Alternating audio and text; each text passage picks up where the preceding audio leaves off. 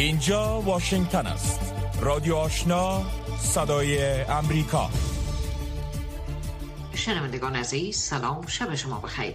و برنامه خبری رادیو آشنا خوش آمدید. نسرین محمود عزیزی هستم و با همکارانم برنامه این ساعت را با توجه می رسانیم اما نخست همکارم قدیر مشرف اخبار افغانستان منطقه و جهان را به توجه می رساند سلام و وقت همه شما بخیر شنونده های عزیز. ملا عبدالغنی برادر معاون رئیس الوزرای حکومت طالبان امروز از مناطق زلزله زده در ولایات خوست و پکتیکا دیدن کرده و یک مقدار پول را میان خانواده های آسیب دیده تقسیم کرده است. آقای برادر به بازماندگان قربانیان زلزله مرگبار هفته گذشته که جان بیش از هزار نفر را گرفت و صدها تن را مجروح ساخت اطمینان داد که کمک های بشردوستانه به یک شیوه شفاف به تمام افراد آسیب دیده فراهم خواهد شد. در خبر دیگر زبیولا مجاهد سخنگوی حکومت طالبان گفته است که کمک های چین صبح روز سهشنبه 28 جون به میدان هوایی کابل رسیده است. آقای مجاهد در تویترش نگاشته است که به سلسله کمک به زلزله زدگان دو تیاره کمک های چین به کابل رسیده که معادل 8 میلیون دلار کمپل، لباس و سایر اقلام ضروری در آن شامل می باشد. وانگ یو سفیر چین در کابل نیز گفته است که کمک های آن کشور در جریان سه روز به افغانستان منتقل خواهد شد. وزارت خارجه حکومت طالبان می‌گوید که امیرخان متقی سرپرست این وزارت با وانگی وزیر خارجه چین در مورد روابط دو سیاسی صحبت تلفنی کرده است. این وزارت با نشر اعلامیه‌ای به نقل از وانگی نوشته است که چین به زودی برای شماری از تاجران افغان ویزا صادر خواهد کرد. همچنان وزیر خارجه چین گفته است که زمینه برگشت دانشجویان افغان به پانتون‌های آن کشور دوباره فراهم خواهد شد. امیرخان متقی سرپرست وزارت خارجه طالبان ضمن استقبال از سیاست به گفته وی مثبت چین در قبال افغانستان ابراز امیدواری کرده که این اقدامات باعث افزایش تجارت هوایی و زمینی بین افغانستان و چین به ویژه افزایش صادرات میوه های خشک افغانستان به آن کشور شود. دفتر هماهنگی کمک های بشری سازمان ملل متحد در افغانستان یا اوچا می‌گوید که برای رسیدگی فوری به زلزله زدگان در ولایات پکتیکا و خوست به 110 میلیون دلار نیاز است تا به 362 هزار نفر آسیب دیده از زلزله اخیر رسیدگی شود.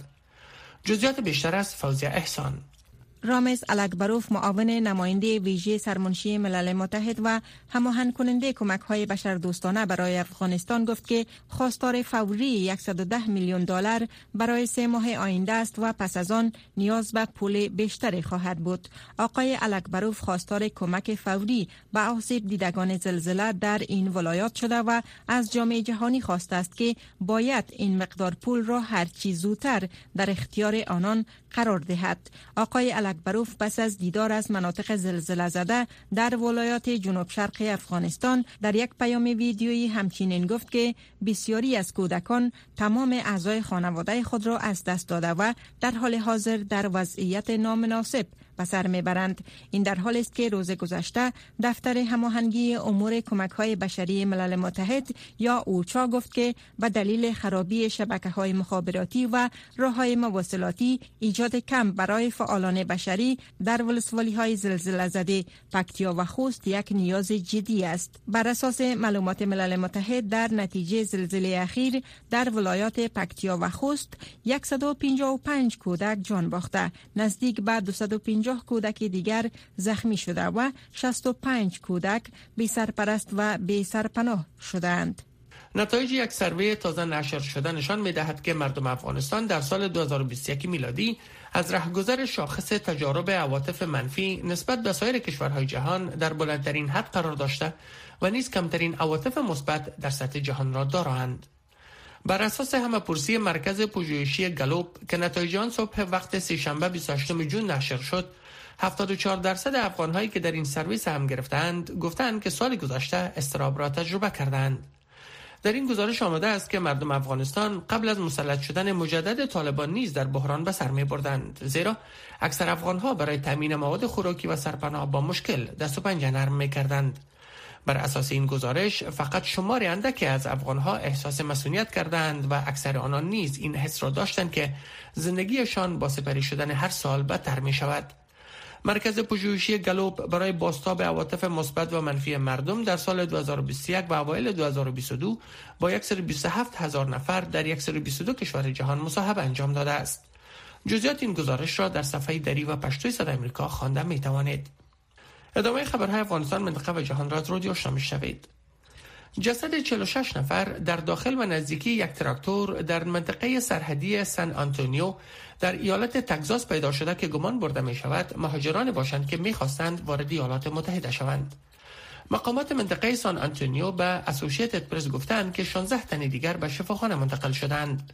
در سال 2017 ده مهاجر در داخل یک لاری در منطقه سن آنتونیو در نزدیکی مغازه والمارت پارک شده بود یافت شدند. در جنوب شرق این منطقه در سال 2003 19 نفر که شدت گرما بی‌حال شده بودند از داخل یک لاری یافت شدند. مهاجران سوار بر وسایل نقلیه با عبور از پوسته های سرحدی به منطقه سان آنتونیو نزدیکترین شهر بزرگ امریکا به سرحد مکسیکو می روند و از آنجا در سراسر ایالات متحده پراگنده می شوند. ولادیمیر پوتین رئیس جمهور روسیه سفر دو روزش را به تاجیکستان امروز سهشنبه 28 جون آغاز می کند. این دومین سفر خارجی آقای پوتین در سال 2022 میلادی می باشد. انتظار می رود آقای پوتین در این سفر با امام علی رحمان رئیس جمهور تاجیکستان ملاقات کند و سپس راهی ترکمنستان شود. رهبران روسیه و تاجیکستان قصد دارند بر وضعیت افغانستان تمرکز کرده و در مورد اقدامات مشترک برای تضمین امنیت سرحدی تاجیکستان، پروژه های ساختمانی نظامی و سایر موضوعات گفتگو کنند. شبکه خبری تاس گزارش داده است که مسائل دو جانبه و چندین جانبه بحث روی همکاری در عرصه تجارت، دفاع، فرهنگ، مهاجرت و سایر مسائل شامل اجندای سفر آقای پوتین است. علی باقری مذاکره کننده ارشد هسته‌ای ایران قبل از آغاز مذاکرات غیر مستقیم با جانب امریکا امروز شنبه به قطر رسیده است. پیش از این رابرت میلی نماینده ویژه ایالات متحده با محمد بن عبدالرحمن آلسانی معاون صدر و وزیر خارجه قطر ملاقات کرده است.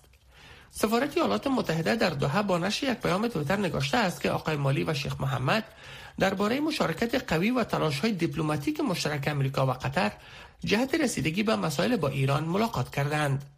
شبکه خبری رسمی قطر گزارش داده که وزیر خارجه این کشور مسائل ایران را با همتای فرانسویش نیز امروز شنبه در یک صحبت تلفنی بحث کرده است.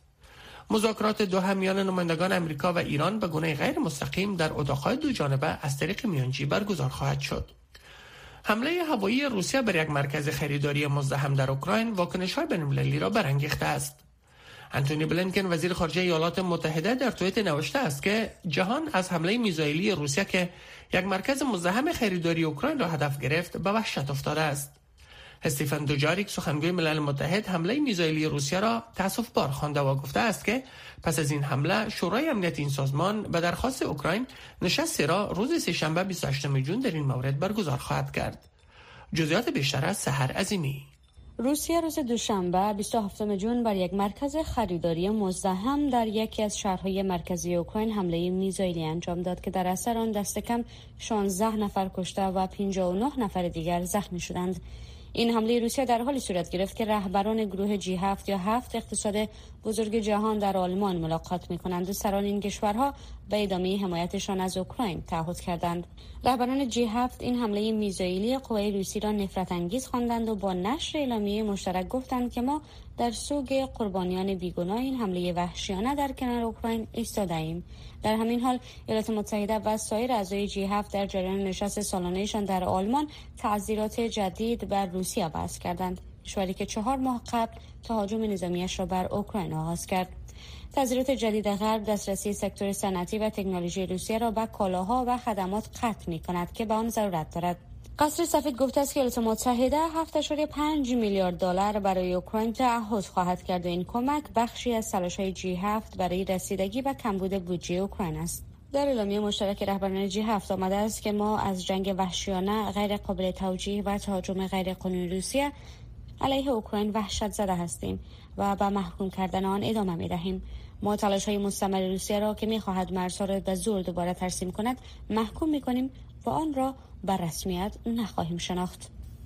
ولادیمیر زلنسکی رئیس جمهور اوکراین در جریان سخنرانی تلویزیونیش گفت که حمله روسیه بر مرکز خریداری در اوکراین تصادفی نبوده و روسیه را به حمله حساب شده علیه غیر نظامیان کشورش متهم کرد و افزود که این حمله یکی از جسورانه ترین حملات به گفته وی تروریستی در تاریخ اروپا است. زلنسکی افزود که در انگام این حمله بیش از هزار غیر نظامی در مرکز خریداری واقع در شهر گرمچوک حضور داشتند.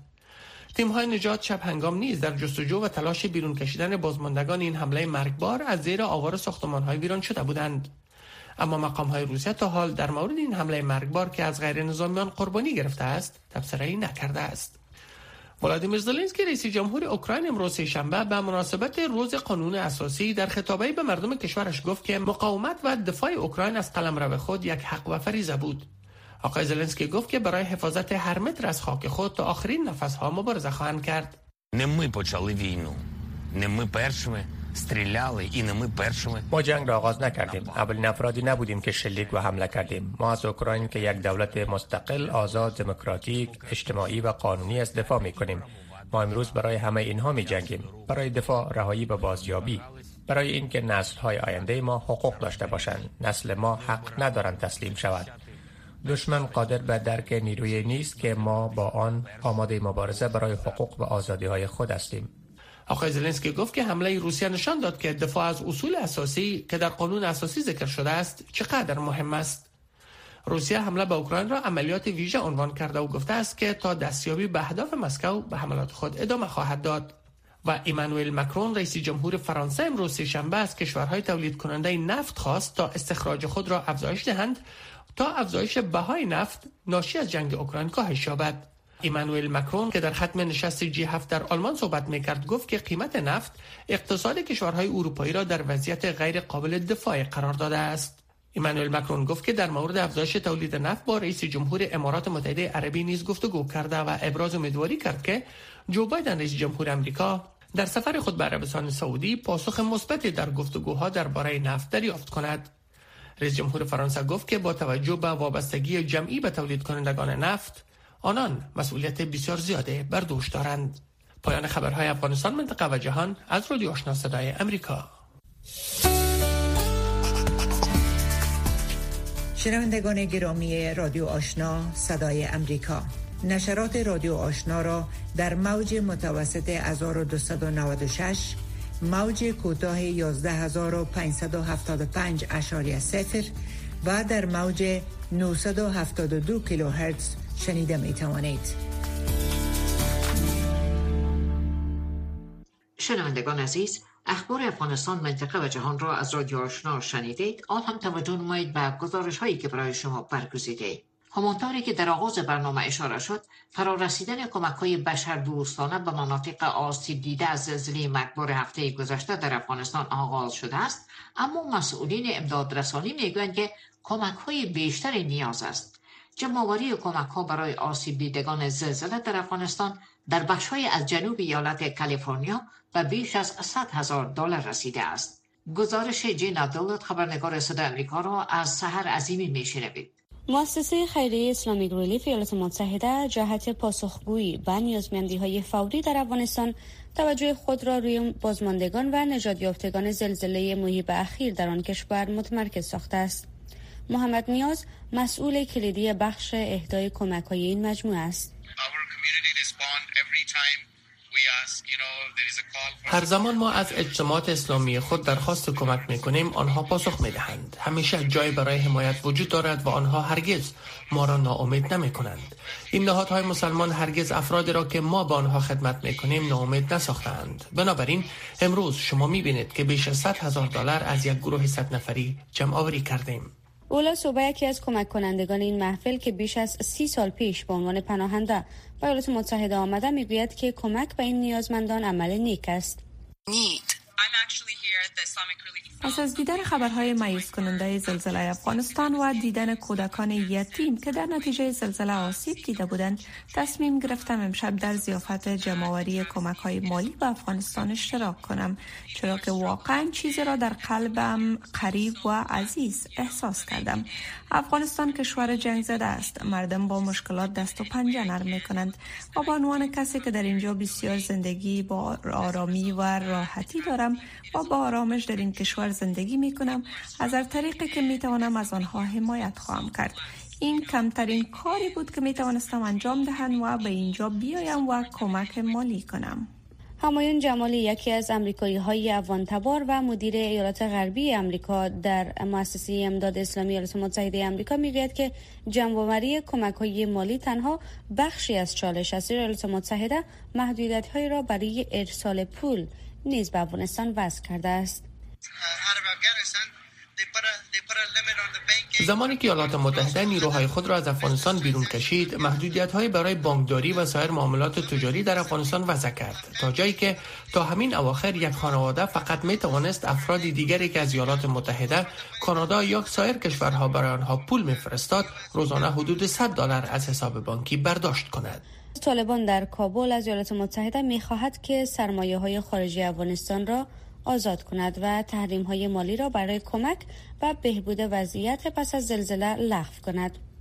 کرن جن پیر سخنگوی قصر سفید روز شنبه به خبرنگاران گفت که ایالات متحده و سرعت در تلاش است به مسائل پیچیده در مورد استفاده از این منابع مالی پاسخ دهد تا اطمینان حاصل شود که از آن سرمایه به نفع مردم افغانستان استفاده می شود یا به نفع طالبان. اما او افزود که حکومت بایدن منتظر نمی ماند و از طریق شرکای بین المللی برای کمک به افراد آسیب دیده کار می کند الینا نوابی مدیر اجرایی بنیاد عزیزی می‌گوید که هنوز روشن نیست که چه کسی در داخل افغانستان برای کمک با آسیب دیدگان حضور دارد. افغانستان بسیاری از کارگران ماهر، دکتران، پرستاران، افرادی را که می توانند هلیکوپتر را هدایت کنند از دست داده است. کارمندان آنجا هستند اما بستر کاری برای کسی در آنجا فراهم نیست و همین دلیل است که جامعه بین المللی بسیار مهم است که وارد عمل شود زیرا آنها مهارت های لازم را دارند. سازمان ملل متحد تعداد جانباختگان زلزله را 1150 نفر اعلام کرده است اما هشدار داده است که ممکن است در زلزله‌ای که مرگبارترین زلزله افغانستان در دو دهه اخیر است شمار تلفات هم بیشتر شود. صدای امریکا رادیو آشنا 100.5 اف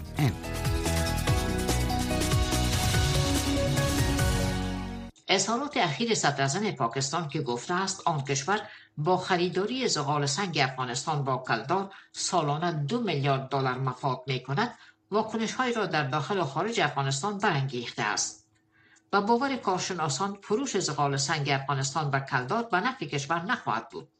در این حال بر اساس گزارش ها قرار است صدور زغال سنگ از افغانستان و پاکستان از اوایل ماه جولای سال جاری به گونه تدریجی آغاز شود و توسط موترهای باربری و ریل از دو گذرگاه مرزی و شمول ترک هم وارد پاکستان شود.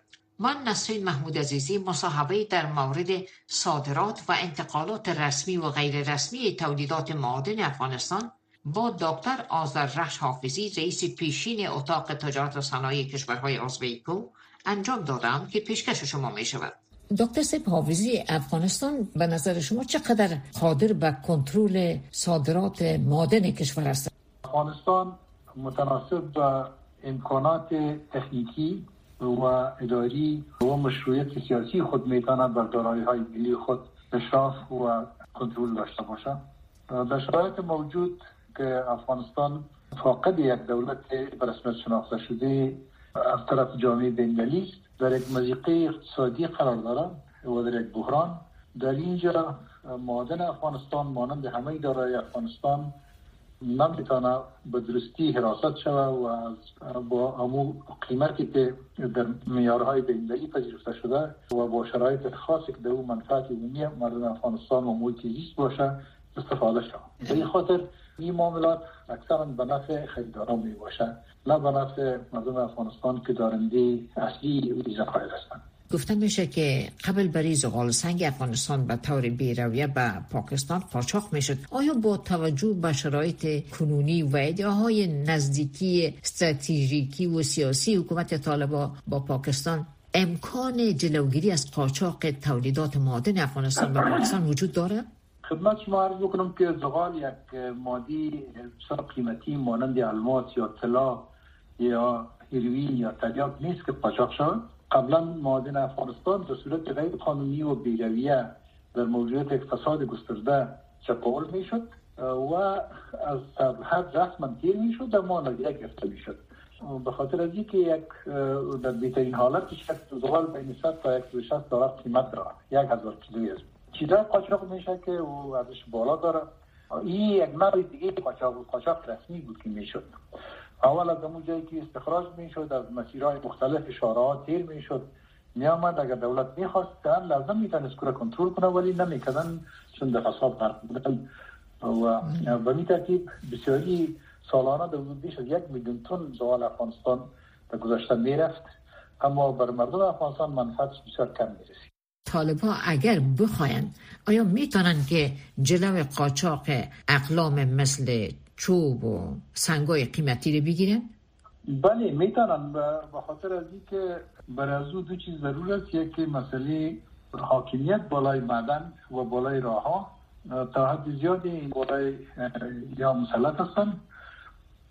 اما ای که باید او حیف میل نشه اون نیاز به دانش تکنیکی و دانش حقوقی و اقتصادی داره که در این مورد باید با دقت و با سنجش قرارداد ترتیب شود و زماین قرارداد باید با جزیات و تفصیل گفته شود که او منافع ولیای مردم افغانستان مد نظر باشه و این ظرفیت یک ظرفیتی است دولت قبلی هم و اینا از وقت کمتر دارن وقتی استخراج صورت می‌گیره اول باید به قیمت خوب فروخته شود. دیگه ای که انتقال زغال سنگ و بعض مواد مدنی محیط خراب می‌کنن مثلا در مسیری که میره وقتی پاشیده شده میره و چون در کانتینر نمیره در ترک های سرباز میره مسیر سرک خراب می‌کنن مسیر محیط خراب می‌کنن و زغال میدن که وقتی که رنگ سیاه داره و حتی از مابین شهرها و ماکنی که تیر میشه اونجا را به نحوی از آنها آلوده می‌سازه. به این خاطر ضرورت است که اینا در این مورد در مورد قیمت در مورد استخراج و در مورد انتقال از او به شکل که محیط زیست خراب نکنه سلامتی انسان را صدمه نزنه باید توجه صورت بگیره. و فروش زغال سنگ زغال سنگ افغانستان به کلدار در این قسمت شما چه نظر دارین؟ چرا این به دلار نیست که از جمله اسعار بین المللی است و این به کلدار فروخته میشه؟ فرمایش ما کاملا دقیق است. اول کلدار پاکستانی یک, یک پول کم اعتبار است. و نوسان از یاد از سه ماه گذشته تقریبا 20 درصد بوده مثلا در ماه فوریه یک کلدار 174 یک دلار امریکا 172 173 174 کلدار بود تا در گذشته تا 213 کلدار مقابل یک دلار سقوط کرد از اون در نظر ما تقریبا 20 درصد اگر ما کلدار قبضات کرده باشیم به نرخ امروز ثابت دلار این در سه ماه گذشته او 20 پایین آمده قیمت و دیگه ای که نمیتونیم در بازار بین‌المللی به کلدار خرید بکنیم مثلا ضرورت خود اجبارا باید ما از پاکستان بخریم ولی از طرف دیگه چون حکومت موجود از سیستم بین‌المللی سوشت استفاده کرده نمیتونه اینا مبادله جنس به جنس میکنن با آسیای مرکزی و روسیه هم میکارن میکنن و با پاکستان و ایران هم میکارن میکنن پاکستان ایران هم از سیستم سویفت استفاده کرده نمی‌تونه روسیه هم نمی‌تونه سیستم سویفت استفاده کنه باشن راه آسان هم نیست که برای دور دادن تحریما اینا مبادله جنس به جنس کنن یکی از دلایل ازی که در پاکستان به کلار میفروشن این است اما او زر مطلق برای اقتصاد مالی ما رادیو آشنا صدای امریکا هفت روز هفته خبر و گزارش ها و تحلیل های خبری روز روز جهانی مبارزه با مواد مخدر در ولایت هرات در حال تجلیل شد که به اساس گزارش ها امسال نسبت به سال گذشته در آن ولایت کشت کوکنار افزایش یافته و در بسیاری از ولسوالی های هرات دهقانان حاصل تریاک را به دست آوردند. مسئولان محلی هرات در برنامه تجلیل از روز جهانی مبارزه با مواد مخدر کشت تولید و قاچاق این مواد را یک نگرانی و چالش جدی در افغانستان خوانده و خواستار مبارزه جدی گردیدند سید عارف قتالی از هرات گزارش می‌دهد از روز جهانی مبارزه با مواد مخدر اینجا در ولایت هرات از سوی یک دانشگاه خصوصی با راه اندازی یک همایش علمی تحقیقی و صحبت پیرامون مواد مخدر و تبعات آن گرامی داشت می شود. مسئولان برگزاری این همایش با تجلیل از این روز خواستند دادخواهی داشته باشند و جهان را متوجه مسئله بسازند که هر روز و بیشتر از سایر کشورها از شهروندان افغانستان قربانی می‌گیرد. من میگم فاجعه به خاطر که هیچ فاجعه نمی‌تونه برابر از این مراسیب بزنه. شما یک زلزله شده انتهای هزار نفر از بین میرن. ولی وقتی شما می‌بینین با این قاچاق مواد مخدر تولید مواد مخدر مست میلیون انسان از دست دادیم دیگه هیچ فاجعه نمی‌تونه باید برابری کنه. در حالی که 85 درصد مواد مخدر در افغانستان تولید می شود اما اشتراک کنندگان در این برنامه تاکید کردند که مبارزه با مواد مخدر باید در سطح جهانی صورت بگیرد. هنوز مواد خیلی به آسانی در دسترس است. هنوز من فکر می‌کنم که کشت ممکن در بعض مناطق صورت بگیره. مواد زمانی که مواد در دسترس باشه و برن ابتلا به مواد مخدر هم زیاد هست در این همایش علمی تبعات منفی مواد مخدر از بود اقتصادی، صحی، حقوقی و شرعی به بحث و بررسی گرفته شد. مقامات مسئول در ولایت هرات هم که در این برنامه شرکت کردند از ارادهشان در امر مبارزه با مواد مخدر در این ولایت سخن می‌زنند. ما وقتی تولید میکنیم. منافع اقتصادی بزرگی بر جهان داره. ولی تمام ازراری بر افغانستان برمیگرده. چرا جلوی این مسئله را نگیریم؟ عملیات اوس تقریبا په اکثر ولسوالۍ کې خصوصا لکه فادرسکن ولسوالۍ او فارسی ولسوالۍ او په شندن او په شرغون په بعض نور ولسوالۍ کې داسې دا اوس موږ عملیات شروع دي. هلته موږ تقریبا 50 کس شپږ کسان استولې دي. دا اوس موږ هلته تاریخ کښتونه چې پکې از روز جهانی مبارزه با مواد مخدر در حال در هرات تجلیل شد که 26 جون توسط سازمان ملل متحد روز جهانی مبارزه با مواد مخدر نامگذاری شده است. مواد مخدر کشنده و مهلک است. مبارزه علیه آن را از همین حال آغاز کنید.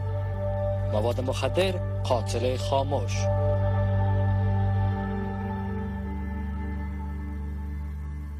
و در ادامه گزارش ها قرار است رهبران ناتو به تاریخ 29 و 30 ماه جون نشستی را با تمرکز بر حمایت اوکراین در برابر حملات روسیه تقویت نیروها در جناح شرقی ناتو و بررسی قاطیت روزافزون چین در مادرید برگزار نماید. شرح بیشتر این گزارش را از همکار ما حمیدالله حمیدی میشنوید.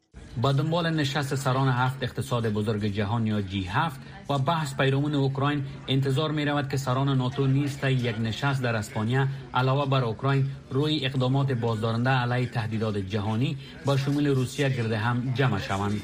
همزمان با نشست گروه هفت روسیه عملات خود را بر مناطق مختلف در اوکراین افزایش داده است. خاویر سولانا منشی عمومی سابق ناتو در مورد اهمیت این نشست چنین گفت.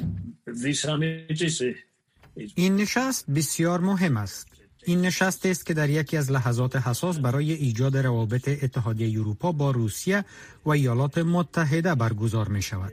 این اولین بار است که در جریان یک جنگ چنین نشست برگزار می شود. همزمان با این ینس استوتنبرگ منشی عمومی ناتو اعلام کرده است که رهبران این سازمان در جریان هفته جاری در نشست در مادرید تصمیم خواهند گرفت که تعداد نیروهای واکنش سریع خود را تغییر دهند و تعداد سربازان خود را برای مقابله با تهدید روسیه به بیش از 300 هزار نفر افزایش دهند. وای افزود که ناتو گروه های محاربوی خیش را در بخش شرقی این پیمان تا سطح لوا تقویت خواهد کرد. گفته می شود که ولادیمیر زلنسکی رئیس جمهور اوکراین از طریق ویدیو کنفرانس در این نشست شرکت کند و تمرکز وی در حال حاضر با دنبال کسب حضویت در اتحادیه اروپا می باشد. از سوی دیگر فنلند و سویدن در ماه گذشته درخواست رسمی خود را برای پیوستن به سازمان ناتو ارائه نمودند. این در حالی است که تصمیم آنها برای پیوستن به ناتو با اعتراض ترکیه مواجه شده است.